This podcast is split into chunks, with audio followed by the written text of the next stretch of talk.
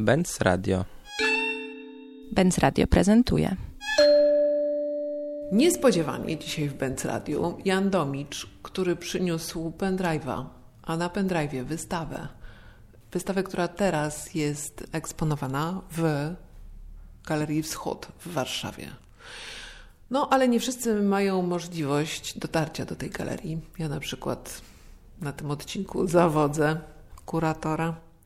I w związku z tym rozumiem, że przeprowadzisz nas przez tę przez tę wystawę. Czy też jest to zupełnie co innego? Tak, to jest dokładnie przejście przez samą wystawę, tylko w jakichś cyfrowych obrazkach zamiast właściwej przestrzeni. Wystawa w Galerii Wschód zatytułowana jest TOW, czyli prostopy i zbiera trzy narracje związane z trzema różnymi domostwami.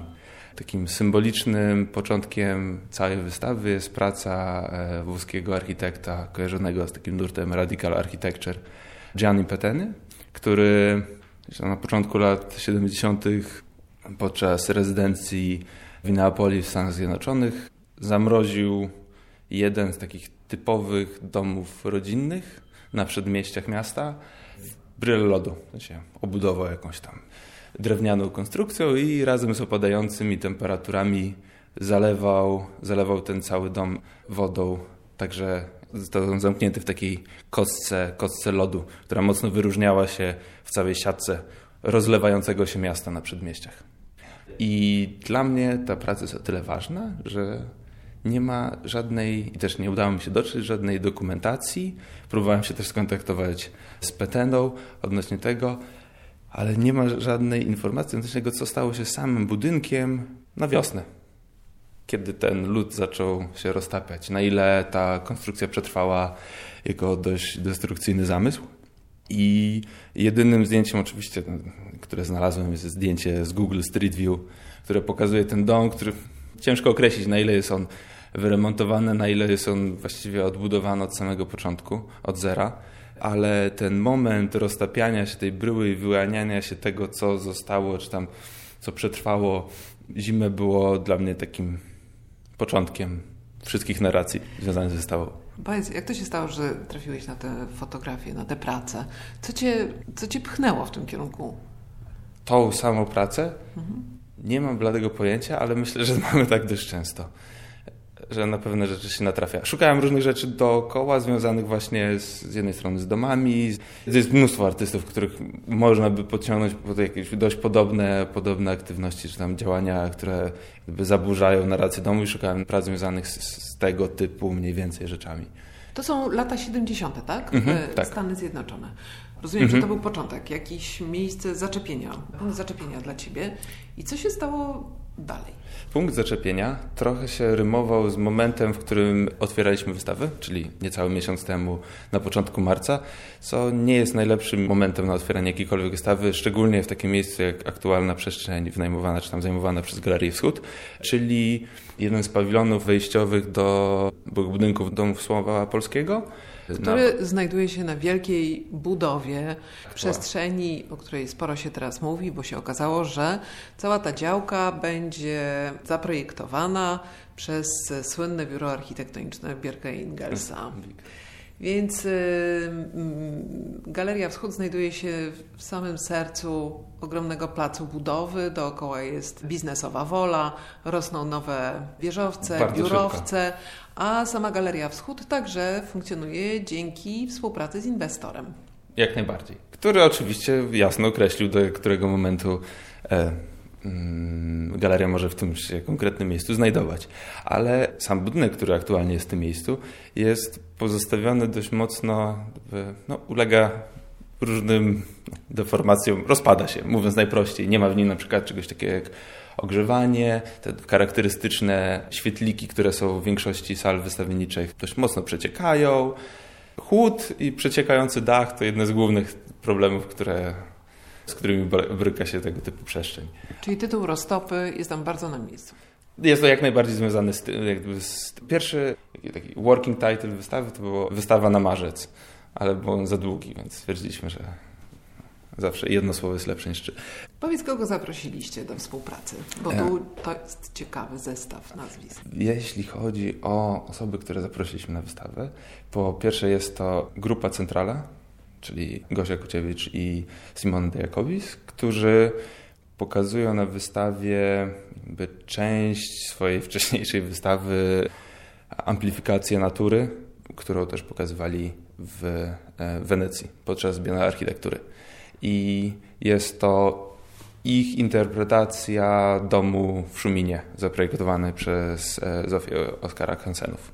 Zresztą całkiem poważną częścią pracy grupy projektowej Centrala w tej chwili jest badanie różnych żywiołów. Aktualnie skupiają się faktycznie na wodzie i na różnych sposobach pracy z wodą w mieście i współpracy z tym żywiołem wodnym, więc wcale mnie nie dziwi to, że tutaj wystąpili jako część tej waszej wystawy, ale kto poza tym? Poza tym Rosa Aiello, to jest e, kanadyjska artystka, z którą na poziomie prywatnym znam się już dłuższego czasu. Studiowaliśmy razem w Frankfurcie. I prace Rozy głównie rozbijały strukturę języka, albo też prowadzenie narracji. I jej praca to praca wideo, w której widzimy taki trójwymiarowy, jakiś kupiony na stoku dom, który trochę odpowiada jej, jej domowi rodzinnemu, który przechodzi przez różne transformacje, przez wszystkie pory roku. Tutaj na jednej z fotografii widać dziwny taki tunel foliowy. Co mm -hmm. to było? Co to jest? To jest moja praca, mówiąc najprościej. Praca powstała przy współpracy z takim polskim startupem, dość młodą firmą, która nazywa się Hitminer. Jest to firma, która zestaw różnych urządzeń, które mają na celu odprowadzenie czy tam odzyskanie ciepła z różnych elektronicznych urządzeń. Głównie chodzi o serwery, komputery, ewentualnie koparki kryptowalut. I w wypadku tego tunelu, który stoi w wejściu do galerii, który jest troszeczkę przeze mnie zmodyfikowany, ale de facto jest to struktura typu ready-made gotowa i jakby rozpakowana prosto z pudełka.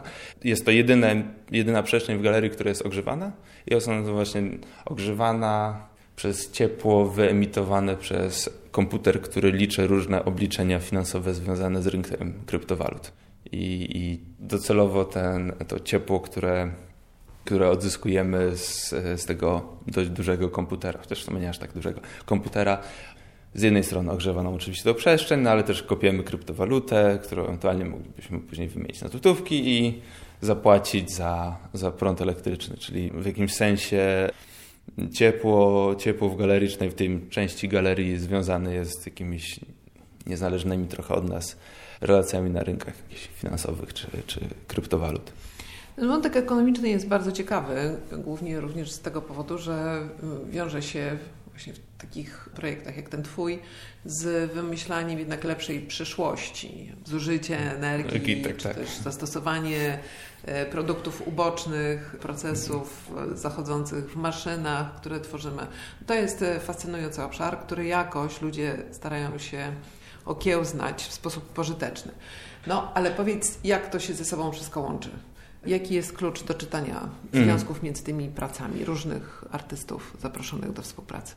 To jest zupełnie sztuczny klucz. Trzeba sobie zdać sprawę. W sensie nie w ten sposób wystawa powstawała. To jest klucz, którego zdałem sobie sprawę trochę później, albo właściwie tuż przed otwarciem. I ten klucz to właśnie Dom Słowa Polskiego, czyli przestrzeń, w której mieści się wystawa, mieści się galeria aktualnie, który też przechodzi przez różne trzy transformacje i powiedzmy, że pierwsza narracja związana jest samą pierwotną funkcją tego budynku, czyli drukarnią Domem Słowa Polskiego, słowem i to bezpośredni sposób łączy się z pracą Rozy Aiello, czyli tym wideo, gdzie ona właśnie używa języka słów. Z drugiej strony jest to rozpad samego budynku związany z siłami natury, co dla mnie bardzo silnie wiąże się z tym, o czym opowiada praca grupy Centrala i pokazanie takiego domu, który jest, którego działanie amplifikuje w jakiś sposób siły naturalne, zmiany klimatyczne, a trzecia rzecz no to sam fakt, o którym też wspomniałaś, czyli jakaś spółka, która wykupuje przestrzeń, ma plany na wyburzyć coś, wybudować coś nowego, prywatny inwestor i coś, co nazwijmy po prostu gentryfikacją jakiejś części miasta, wiąże się z moją pracą i wykorzystaniem jakichś finansowych różnych, różnych zmian. Dla Ciebie jako kuratora ta wystawa jest y, no, nie pierwszym doświadczeniem tego rodzaju, kiedy kształtujesz y, wypowiedź złożoną z bardzo wielu różnych zdań wypowiadanych przez mhm. indywidualne głosy artystów czy grup artystycznych, które zapraszasz. I tutaj ta kolejna właściwie wystawa we współpracy z Galerią Wschód jest y, pewnie też dla Ciebie jakąś kontynuacją Kiedyś udzieliłeś wywiadu Notesowi i tam to bardzo umiejętnie Adam Przywara z Ciebie wydobył, że tak naprawdę te Twoje fascynacje jako artysty są mocno związane z architekturą, ale też łączą się z jakimś poszukiwaniem nowego wyrazu w przestrzeni pracy kuratora. Tak. I moja pozycja, z czego zdaję sobie sprawę, jest trochę niejasna. Bo z jednej strony jestem artystą, który jeszcze współpracuje z jakąś tam prywatną galerią, szlak by trafił, że takie prywatne galerie nie można wejść do CSW. Z drugiej strony jestem kuratorem, który zaprasza ludzi do współpracy, odpowiadam na jakąś wymianę informacji i szczerze nawet jeśli spojrzysz na moją pracę, która jest tutaj. Ona też się składa z różnych części, które, za które ja trochę nie do końca, znaczy odpowiadam za ich złożenie, ale też używam rzeczy, które po prostu już istnieją w świecie. Co Ci odpowiada w tego rodzaju systemie pracy? Co jest dla Ciebie istotne?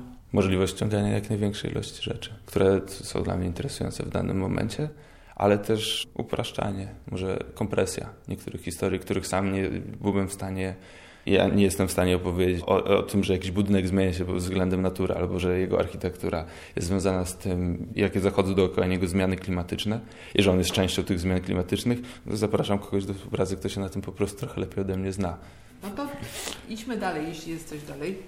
Dalej wchodzimy w tylko i wyłącznie bitcoiny, koparki i mniej więcej system, jak to działa, ale a macie już sukces finansowy jakiś związany z funkcjonowaniem tej wystawy? Ile żeście wykopali? No, wykopaliśmy, w sumie nie sprawdzałem dzisiaj, ale myślę, że ekwiwalent prawie że 300 zł.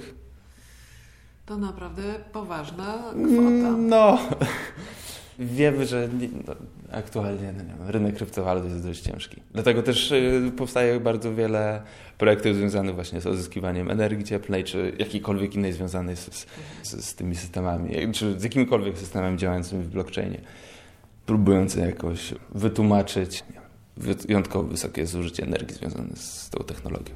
Czy myślisz, że to jest jakaś rzeczywiście trwała możliwość nawiązania relacji między światem sztuki, zwłaszcza tej takiej poszukującej, eksperymentalnej, a alternatywnymi walutami?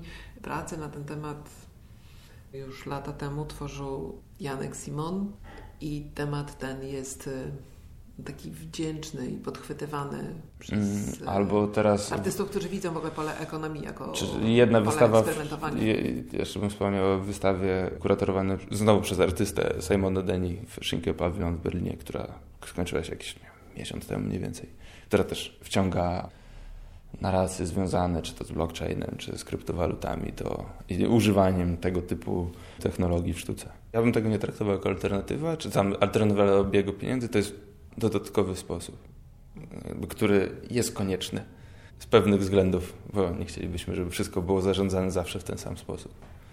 Dla samej różnorodności wydaje mi się, że jest to sensowne. To co? Zakończylibyśmy. Tak, tak. Jesteśmy, jesteśmy podgrzani. Jesteśmy, tak, i przekazaliśmy naszą energię na podgrzanie tego tutaj pomieszczenia, w którym się spotkaliśmy. Jak najbardziej.